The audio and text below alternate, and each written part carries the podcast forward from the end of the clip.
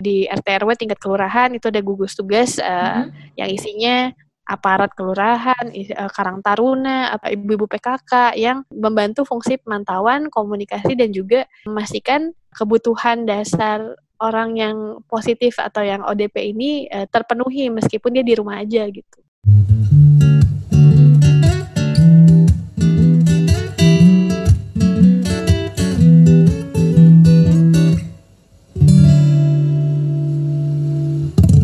Kalau dilihat dari yang sudah ada sekarang, dari yang pemerintah keluarkan sejauh ini, mulai dari kebijakan untuk PSBB, kemudian ada yang stimulasi ekonomi yang baru-baru ini yang kemarin diumumkan sama Bu Menkeu, kemudian juga yang ada rencana wacana untuk mendatangkan turis dari Cina, itu CISJ memandang kebijakan yang sejauh ini sudah diambil pemerintah seperti apa? Sejujurnya kami melihat masih apa ya maunya pemerintah tuh masih bi membingungkan buat kami gitu kayak ini maunya sebenarnya apa? gitu. Karena kami melihat masalah ini belum selesai ini belum kelar pandemi uh, wabah-wabah ini.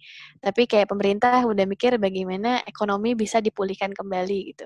Kita ngelihat bahwa sebenarnya prioritas pemerintah masih uh, bukan uh, mengutamakan kesehatan masyarakat masih ngelihat bahwa nanti nanti negara rugi apa segala macam gitu. Jadi kayak kita kita bingung sebenarnya untuk hal itu gitu. Jadi pemerintah sendiri kita ngelihat juga belum menerapkan prinsip containment sebenarnya, yaitu hmm. uh, sebenarnya mencegah sebelum kasus lebih banyak. Itu bisa kita lihat dari persyaratan uh, penerapan PSBB ya, uh, pembatasan sosial berskala besar. Salah satu persyaratan yang paling utama adalah harus ada kasus yang signifikan dulu di daerah tersebut jumlahnya, hmm. baru hmm. boleh PSBB gitu. Jadi kayak kemarin uh, beberapa daerah di wilayah timur itu ditolak karena kasusnya belum banyak. Gitu. Waduh. Kan aneh. Iya benar. Jadi kayak mitigasi gitu ya, nunggu bencananya dulu baru Iya betul. kerjain sesuatu. Jadi kayak kita bingung gitu. Kenapa uh, bukannya kita harus pembatasan sosial berskala besar untuk mencegah kasus lebih banyak apalagi di daerah-daerah lain ya gitu. tapi ini tuh nunggu nunggu kasusnya banyak baru boleh PSBB gitu. PSBB yang cuma di Jakarta Jawa Barat sama Banten saja itu nggak cukup uh, uh, uh. kita ngelihat uh, uh, PSBB nggak akan efektif nih tanpa uh, diberlakukan secara nasional Terus hmm. kalau kalau tidak ada karantina wilayah zona merah juga itu tidak akan berhasil. Karena PSBB itu masih ngebolehin orang keluar masuk daerah. Lagi Jakarta ya itu udah hmm. udah merah banget. Masih orang masih boleh boleh keluar masuk. Pembatasan mode transportasi pun malah bikin penumpukan gitu. betul. Jadi jadi ini nggak akan efektif sebenarnya. Jadi kalau pemerintah kemarin saya dengar cukup defensif untuk uh, bilang kita udah upaya kok ini ada PSBB gitu deh PSBB-nya eh, setengah-setengah ya kita juga bingung gitu jadi kayak uh, baik gitu jadi uh, dan tanpa pengawasan ketat, PSBB tanpa pengawasan ketat juga uh, kita bisa lihat emang sebenarnya ya udah gitu. Jadinya nggak nggak akan efektif juga. Gitu. Dan tentunya uh, tanpa tes dan pelacakan kasus secara serius juga uh, ini nggak akan efektif. Gitu. Mm -hmm. Jadi kesimpulan kita PSBB yang sekarang nggak akan efektif sih. Gak akan efektif karena nggak jelas tadi ya sebenarnya yeah. ini zona, zona merah tapi orang masih boleh keluar masuk terus dibatasin Betul. transportasi tapi orang numpuk di stasiun gitu contohnya ya. Iya.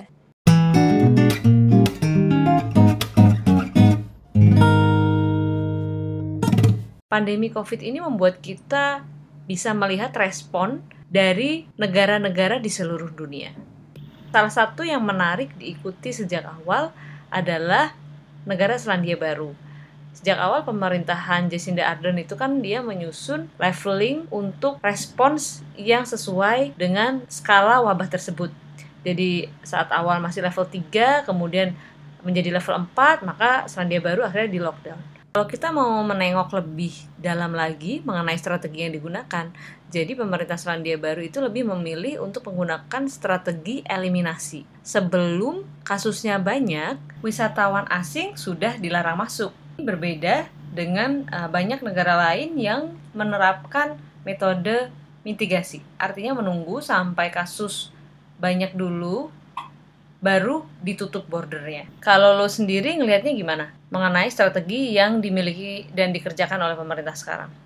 Sebenarnya kan penting ya uh, strategi pemerintah itu jelas kayak tadi kalau di New Zealand mereka sudah ada levelingnya, uh, hmm. leveling strategi. Jadi kita tahu uh, kalau udah seperti ini apa yang akan dilakukan dan sebagainya. Tapi uh, kita nggak tahu nih sebenarnya pemerintah punya apa enggak strategi itu gitu, karena nggak hmm. pernah di bilang dan diumumkan juga jadi kita asumsinya nggak ada ya. Jadi uh, jadi sebenarnya kayak persiapan kita memang sangat sangat sangat minim sih untuk um, melakukan ini. Nah sebenarnya menarik juga uh, melihat perkembangan uh, kajian dan rekomendasi uh, ahli-ahli dari luar juga kita ngelihat uh, sekarang uh, banyak yang ber, berkomentar uh, lockdown sama physical distancing itu itu uh, short term apa ya jangka pendek kebijakan jangka pendek saja jadi mm -hmm. uh, kita kan masih ngeliat nih perkembangan di negara-negara lain uh, kayak seperti Cina gitu yang uh, habis lockdown dua bulan masih ngeliat apakah akan ada perkembangan kasus lagi, mm-hmm. apakah akan ada ada re- reinfeksi atau uh, second wave gelombang kedua dari infeksi ini ada akan ada lagi apa enggak gitu.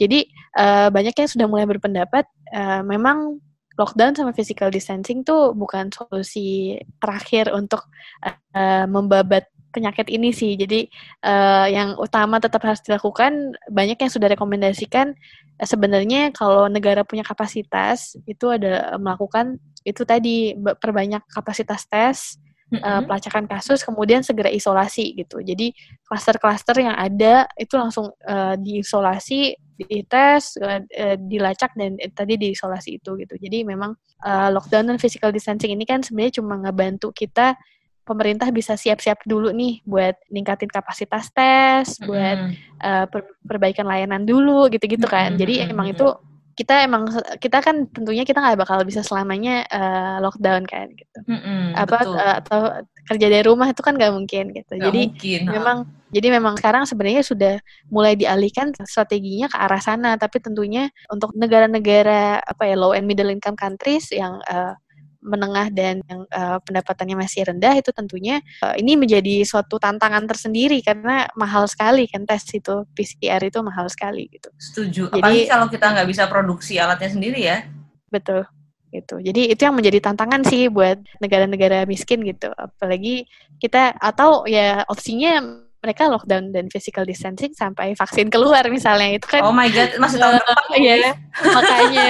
Jadi itu itu hal yang hal yang masih uh, gak mungkin juga kan gitu mm-hmm. jadi kayak ini pusing sih Iya iya iya. Hmm. Jadi di satu sisi lockdown mungkin bermanfaat untuk jangka pendek hmm. karena di ya, uh, kalau kita ngelihat lebih panjang nggak mungkin kan ekonomi nggak jalan selama lamanya orang nggak boleh ya. keluar ke mana-mana gitu ya.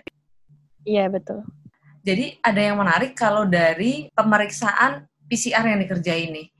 Ini cerita aja nih, aku kan habis dicek, dites nih swab, terus hmm. hasilnya itu katanya baru keluar dua minggu lagi gitu kan, sedangkan dari dua minggu ini apa yang aku kerjakan ini kan udah panjang ya. Misalnya kan aku sambil nunggu hasilnya kan gak bisa juga nih dibilangnya harus stay at home, gak ngapa-ngapain kan harus tetap uh, praktek, harus uh, jaga gitu ya. Kalau orang lain mungkin dengan misalnya dia habis di swab nih hasilnya baru keluar dua minggu, jadi ternyata nanti kalau uh, amit-amit ada orang yang hasilnya ternyata positif, jadi dalam dua minggu itu dia harus nge-trace back semua orang yang harus diisolasi karena ternyata dia positif gitu. Kalau di negara lain gitu, apa emang selama ini sih hasilnya? Uh, mungkin kita berkaca sama negara yang uh, menggunakan strategi tes ya tes. Jadi Betul. dia tidak lockdown, okay. tapi dia menggunakan Korea kan, nah, Korea, Korea Selatan. Uh, dia itu menggunakan strategi tes-tes sebanyak-banyaknya. Kalau Korea tuh dalam 24 jam tuh dapat hasil PCR, tapi wow. ketika kita ngebandingin uh, jumlah labnya itu sangat banyak. Uh, waktu itu saya pernah dapat datanya, saya lupa. Terus kalau dibandingin sekarang ya kapasitas tesnya Indonesia sama Korea Selatan, Korea Selatan itu per seribu orang itu mereka ngetes 9, sembi, jadi 9 tes per uh, seribu orang. Kalau hmm. Indonesia kita masih di kapasitas 0,07 tes per seribu orang. Oh iya gitu. baik, agak jauh ya, jadi, nggak, jauh. cuma agak sih jauh, baik. Uh, jadi kalau di Jakarta sendiri ya, Jakarta tuh sebenarnya udah kapasitas tesnya paling banyak kan. Mm -hmm. Itu kita cuma mampu sekitar seribuan per hari gitu. Sementara hmm. uh, sekarang aja kasus kasus dan naik terus ya. Uh, kasus naik tapi karena di tesnya juga belum banyak sih, masih lima ratusan. Saya rasa kan kita uh, punya estimasi lebih tinggi lagi kan. Mm Jadi kalau kapasitas tes kita bisa lebih tinggi, pasti kasusnya juga akan naik terus. Uh -uh. Iya, sebenarnya aku khawatirnya itu sih. Takutnya kayak um, di swab nih aku dua minggu lalu eh amit-amitnya ternyata positif terus kayak ditanyain kamu ketemu siapa aja ya ketemu siapa ya banyak ya dua minggu ini gitu jadi yeah. ya sebenarnya apa apa sih baiknya kan nggak mungkin kayak uh, saya nunggu tes nih dua minggu kayak harus nggak masuk gitu. Cuman kan nggak ada dasarnya. Pasti kan di tempat kerja juga orang uh, dasar kamu apa gitu. Misalnya orang yang ternyata dia nggak ada kebijakan kerja di rumah gitu ya. Takutnya kan uh, malah bisa jadi alasan dia dipecat atau gimana gitu.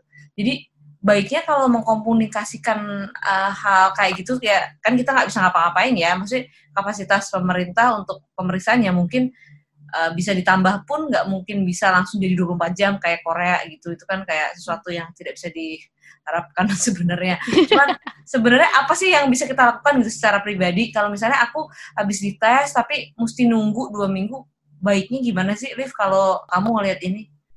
Sebenarnya saya dokter kan, saya mm. susah nih. Oh, saya saya tahu di banyak kasus kayak tenaga kesehatan kan sebenarnya terbatas. Jadi mm kadang kalau belum terbukti positif, berarti kebijakan rumah sakit pun sering kali ya udah dia harus tetap kerja karena tadi keterbatasan tenaga kesehatan kan gitu. Iya betul. Ntar uh, teman saya yang nggak cover saya itu dia positif yang lain kalau nggak covid ya kan positif lelah nanti.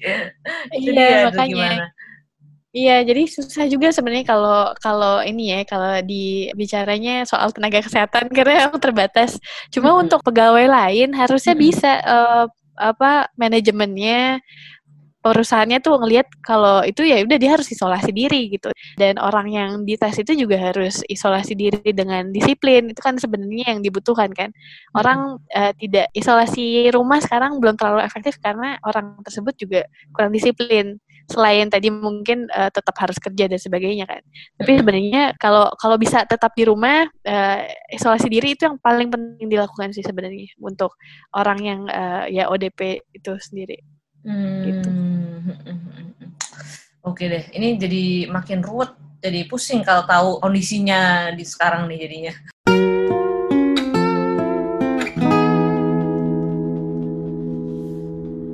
Cisdi sendiri sejauh ini uh, kan pasti udah punya nih rekomendasi apa yang sebaiknya dilakukan untuk menangani wabah ini. Ada nggak uh, mungkin Olive bisa jelasin ke kita teman jangan susah-susah Olive kita kan nggak ya. se ini nggak se ngerti itu nggak kayak CSD ya. yang udah setiap hari bikin kebijakan ini kita nggak tahu nih jadi uh, coba jelasin ke kita uh, supaya kita ngerti apa sih uh, rekomendasi idealnya kalau keadaan seperti ini apa yang harus kita lakukan gitu. Kalau tadi saya juga udah mention kan, uh, sebenarnya kalau dari rekomendasi kita utamanya tentunya lockdown sama physical distancing bukan solusi utama yang terutama memang tadi uh, tes uh, pelacakan kasus dan isolasi uh, hmm. secara cepat. Tapi tentunya kalau kita ngelihat ke kapasitas uh, pemerintah kita sekarang itu bukan suatu kemewahan yang bisa kita dapatkan dalam jangka waktu pendek gitu. Mm -hmm. uh, kita tahu pemerintah mulai sudah banyak mulai berupaya mendatangkan alat-alat tes juga meningkatkan kapasitas lab dan sebagainya. Nah, tapi sembari nunggu itu semua siap, sembari nunggu pemerintah melakukan peningkatan dan penguatan tadi, sebenarnya yang kita kita rekomendasikan untuk dilakukan segera sama pemerintah, paling enggak untuk melandaikan kurva deh, melandaikan kurva, menekan penyebaran, yaitu tadi PSBB dengan pengawasan kepatuhan ketat itu harus dilakukan secara nasional, Lalu karantina wilayah. Karantina wilayah ini sebenarnya kalau pemerintah tidak bisa uh, mengkarantina secara nasional dan itu konsekuensinya besar, saya tahu. Paling tidak zona merah deh. Zona merah, terus um, ne, apa pemerintah daerah dipersiapkan juga apa saja yang harus disiapkan dan sebagainya. Itu yang harus dilakukan. Karantina wilayah itu lockdown ya? karantina wilayah jadi uh, gini sih kalau uh, lockdown itu kan sebenarnya definisi yang tidak ada di peraturan pemerintah kita kan mm-hmm. jadi uh, lockdown itu kalau ngelihat uh, contoh-contoh ne- negeri apa negara lain kita uh, lockdown itu sebenarnya kombinasi antara uh, psbb dan karantina wilayah gitu. Mm-hmm. jadi uh, jadi ketika ke, uh, apa ya soalnya lockdown itu kan dia menutup perbatasan terus semua orang juga harus di rumah kan mm-hmm. gitu. Kalau di contoh banyak negara seperti itu. Jadi sebenarnya lockdown kombinasi antara ya psbb dan karantina wilayah itu sendiri. Tapi kalau di kalau di, di bahasa di peraturan kita kan memang kita menggunakan bahasa sebenarnya tidak ada lockdown. Jadi uh, tadi di, dibagi beberapa tingkat kan PSBB pembatasan sosial kemudian mm -hmm. karantina wilayah itu sendiri bukan lockdown karena karantina wilayah itu kalau dalam peraturan tuh dia hanya membatasi uh, orang keluar masuk. Jadi dia tidak boleh apa ya uh, orang tidak bisa keluar masuk sesukanya uh, dengan ada uh, yang boleh masuk misalnya logistik doang gitu-gitu. Jadi uh, oh, itu gitu. sih arti, arti karantina wilayah. Uh, sementara kalau kalau PSBB kan cuma pembatasan moda transportasi. Mm-hmm. Nah, kalau karantina wilayah ini menutup wilayah, kayak misalnya Jakarta ditutup, uh, yang mau masuk itu hanya uh, hanya boleh misalnya logistik uh, yang punya izin gitu. Jadi yang ada ada kriterianya biasanya uh, yang boleh masuk ke perbatasan, yang boleh keluar itu cuma siapa saja. Jadi orang tuh kalau ketika kita bicara mudik, orang udah nggak bisa mudik nih kalau misalnya Jakarta di karantina gitu misalnya. Ah, gitu. itu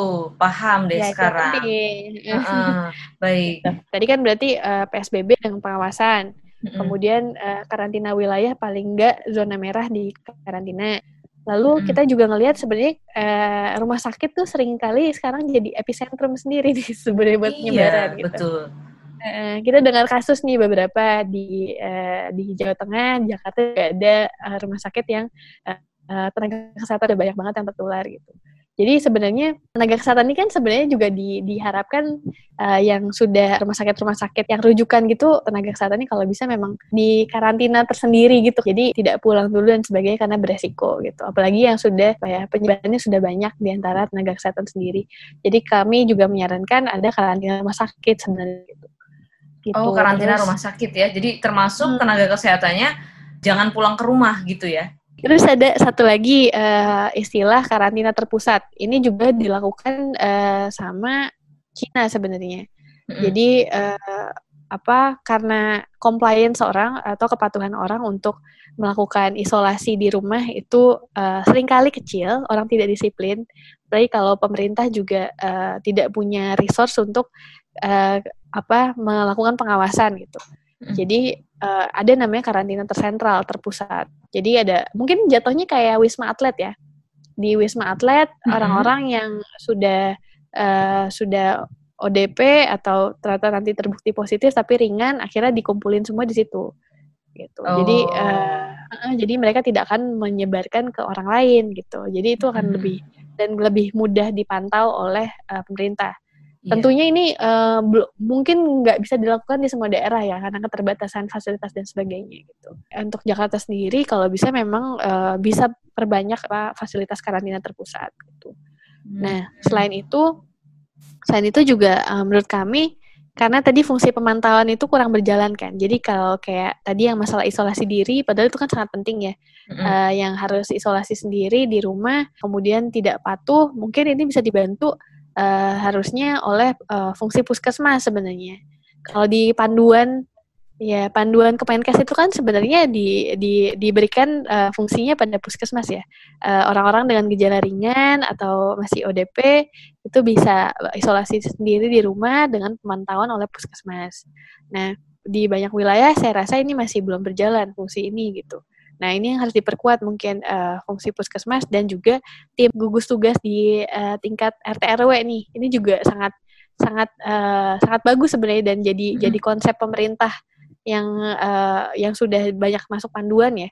Tapi memang uh, masih masih belum berjalan aja gitu. Jadi kayak di di RT RW tingkat kelurahan itu ada gugus tugas uh, hmm. yang isinya aparat kelurahan, eh, Karang Taruna, apa ibu-ibu PKK yang membantu fungsi pemantauan, komunikasi dan juga memastikan kebutuhan dasar orang yang positif atau yang ODP ini uh, terpenuhi meskipun dia di rumah aja gitu.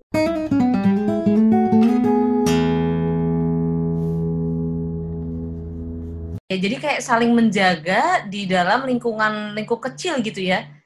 Betul. Nah ini juga fungsi fungsi masyarakat sipil yang penting dilakukan juga sih sebenarnya di tingkat uh, perumahan sendiri atau uh, perkampungan sendiri sih. Gitu. Jadi kalau misalnya selain kita juga bisa aktif tetap di rumah aja gitu, kita juga bisa lihat-lihat lah tetangga itu makan cukup apa enggak gitu ya. ya Dia ada kesulitan atau enggak di rumah, misalnya udah tua, misalnya anaknya mau datang cuman dari luar kota gitu-gitu ya. Jadi kita harus lebih aktif dalam komunitas juga ya, Liv ya. Betul, setuju sekali. Karena soalnya kan kita juga ngelihat ya, ini tugas masalah pandemi ini menyerang semua orang ya. Pemerintah mm -mm. juga ruginya banyak, semua orang kena getahnya mm -mm. juga. Jadi sebenarnya ini tugas semua orang buat ikut terlibat uh, ngebantuin pemerintah gitu. Karena kita ngelihat juga pemerintah udah ngeluarin tuh uh, apa udah ngerubah anggaran sampai 405 triliun buat mm -mm. buat pandemi aja gitu. Tapi tentunya itu nggak cukup gitu. Jadi kayak semua orang emang harus harus terlibat sih ngebantuin paling nggak sesama atau enggak sekitarnya dulu gitu. Mm -mm. Paling nggak orang-orang yang paling dekat sama kita ya ya teman gitu ya. Betul betul. Ah, ah, baiklah. Wah itu teman-teman kalau dengar penjelasan Olive tadi udah lebih kebayang tentunya apa yang bisa dikerjain di rumah gitu. Selain kita cuman perbahan nggak apa-apain mungkin kita bisa banyak hal yang sebenarnya bisa kita kerjakan gitu. Dengan memperhatikan orang di sekitar kita gitu. Jadi tadi kan beberapa tips yang bisa lakukan waktu uh, masa seperti ini dan supaya lebih aktif dalam kebijakan untuk menurunkan dan cepat menyelesaikan si COVID-19 ini. Nah, ada nggak sih di masa depan mungkin, nah Liv, jadi kan uh, tadi contohnya dalam hal COVID-19 ini banyak banget hal yang bisa kita kerjakan waktu di rumah aja untuk lebih aktif berpartisipasi. Nah, kalau di masa depan nih, apa yang mungkin ada kebijakan-kebijakan lain supaya kita bisa lebih ikut partisipasi aktif lagi. Ya, misalnya tadi dalam hal ikut terlibat sejak awal supaya ikut ngerasa oh saya juga ikut loh dalam pemerintah waktu mau bikin kebijakan soal misalnya minuman yang bergula tinggi gitu. Eh saya ikut loh waktu itu dengan caranya uh, bla bla bla gitu. Mungkin ada nggak sih biar kita lebih kebayang lagi di masa depan supaya kita nggak ngerasa terus-terusan cuma jadi target aja biar kita lebih bisa ikut andil dan menjadi aktor dalam kebijakan-kebijakan lain yang dibuat oleh pemerintah gitu. Ya sebenarnya uh, ini sih uh, mungkin sebelum uh, ke media-media atau platform apa yang bisa dilakukan mungkin tadi sih uh, echoing apa yang tadi saya udah sebutin di awal. Jadi uh, sebenarnya yang paling penting memang uh, peduli dulu sih mau dulu buat mm -hmm. ikut terlibat mau pasti pasti aktif karena sebenarnya kadang kita ngelihat uh, kenapa ya uh, apa um, kampanye kesehatan sering kali nggak nggak nggak kena orang gitu ya padahal mm -hmm. kayak poster di mana-mana gitu, iklan udah ada, apa segala macam. Tapi kok orang masih nggak ngerti juga gitu. Nah sebenarnya mungkin juga kadang uh, mau gimana pun orang nggak peduli aja gitu. Itu bukan isu yang seksi atau segala macam gitu. Jadi uh -uh. saya rasa uh, partisipasi itu penting dimulai dari kita uh, peduli dulu sih, peduli gimana caranya sebenarnya uh, kebijakan atau isu-isu ini bisa relatable sama hidup kita gitu. Jadi uh. kita bisa peduli mau mau mau partisipasi aktif kemudian mulai mengedukasi diri sendiri gitu kan. Nah, mm-hmm. terus uh, kalau platform-platform yang bisa dilakukan, uh, ini selalu menjadi pertanyaan sih gimana suara kita bisa uh, sampai ke sana gitu. Mm-hmm. Jadi mungkin kalau secara aktif kita bisa mencari tahu siapa mungkin anggota dewan uh, di wilayah kita gitu. Setelah kemarin DPRD gitu, DPR di misalnya Jakarta DPRD kita kemarin uh, siapa sih yang uh, yang apa yang di di lokasi kita tuh sebenarnya siapa sih yang megang suara kita? Mungkin kita bisa secara aktif nyari tahu dan mungkin nyari kontaknya gitu.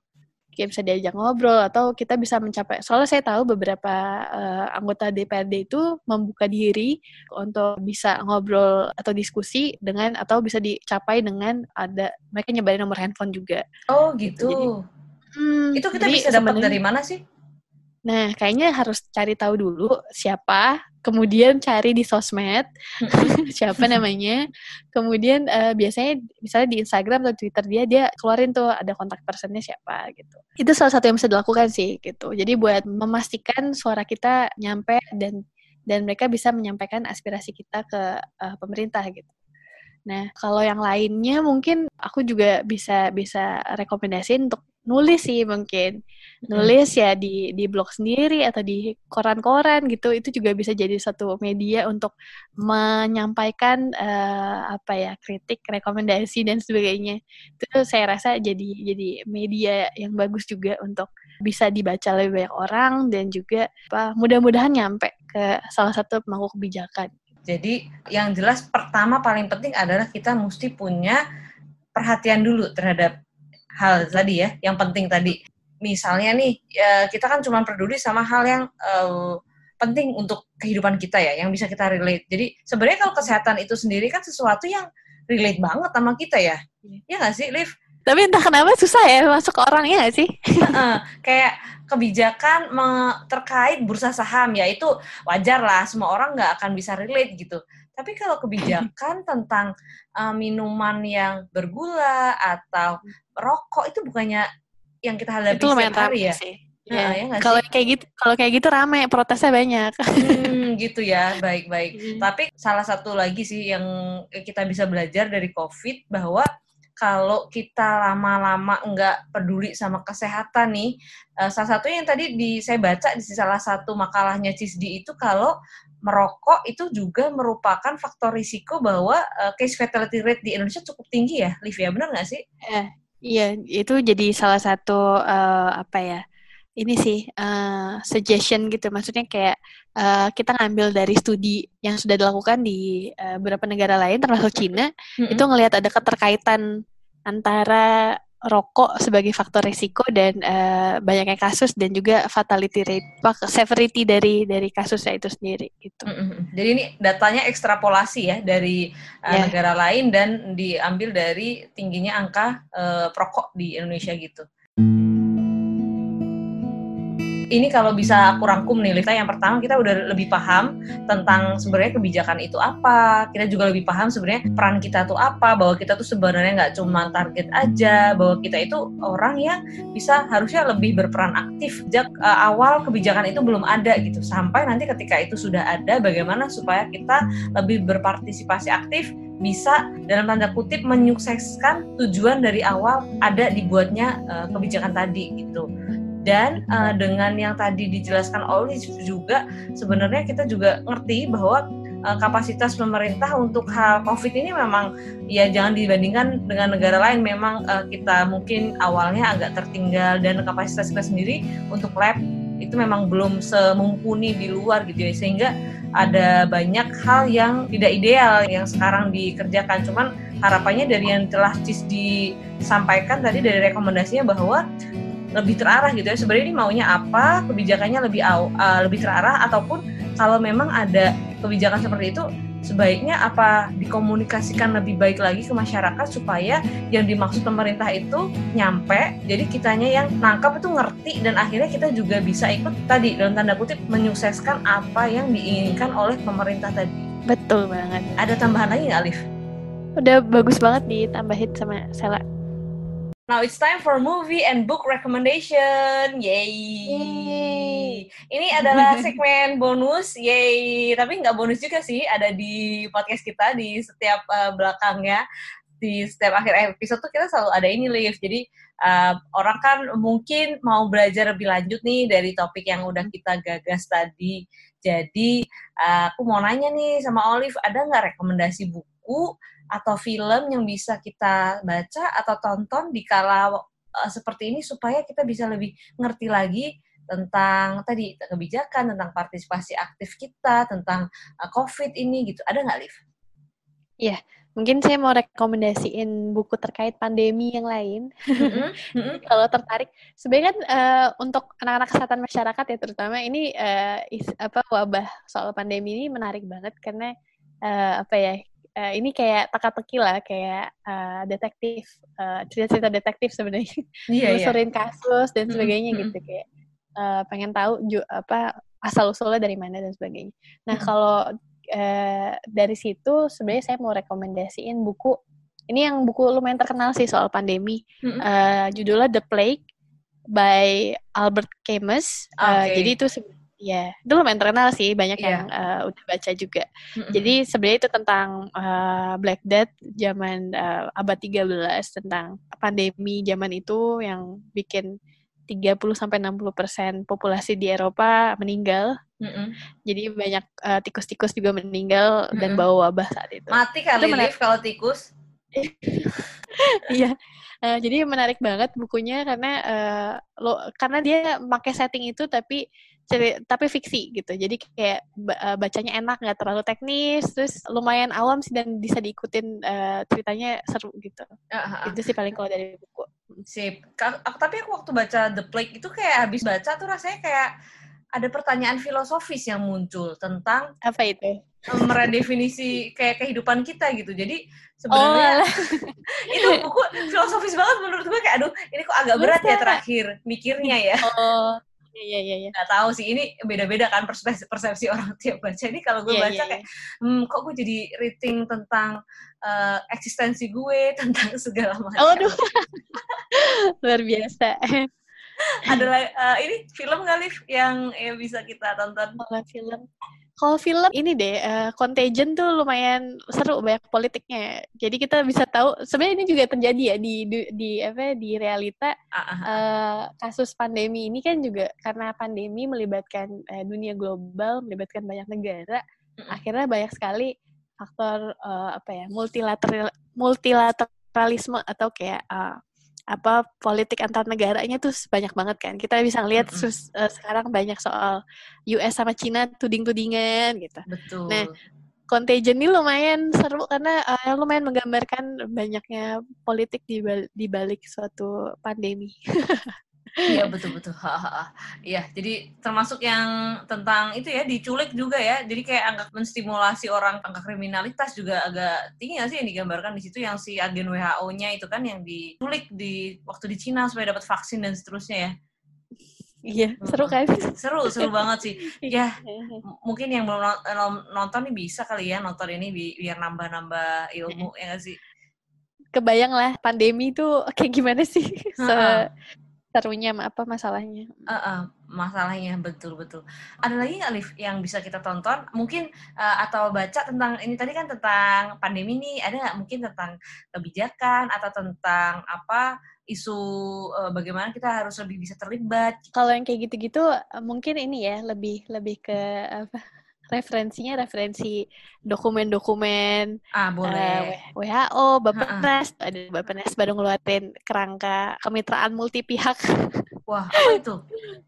Iya, jadi uh, jadi karena sebenarnya kalau di isu SDGs, MDGs ini kan memang apa pelibatan multi pihak tuh digaungkan terus-terusan ya. Jadi mm -mm. Uh, Indonesia pun sebenarnya sudah mencoba ke arah situ gitu. Jadi kemarin uh, tahun lalu Bappenas ngeluarin suatu pedoman untuk kemitraan multi pihak. Jadi bagaimana pemerintah bisa melibatkan berbagai macam pihak termasuk masyarakat sipil dalamnya gitu. Wah, oke. Okay. Iya. Jadi uh, platform-platform apa yang sebenarnya harus disediakan untuk pelibatan gitu. Jadi sebenarnya kita udah menuju arah sana gitu ya. Mungkin tetap perlu kita kawal sih sebagai masyarakat sipil. Jadi kita tagih terus mana nih harusnya udah ada tapi kok belum ada gitu. Baiklah.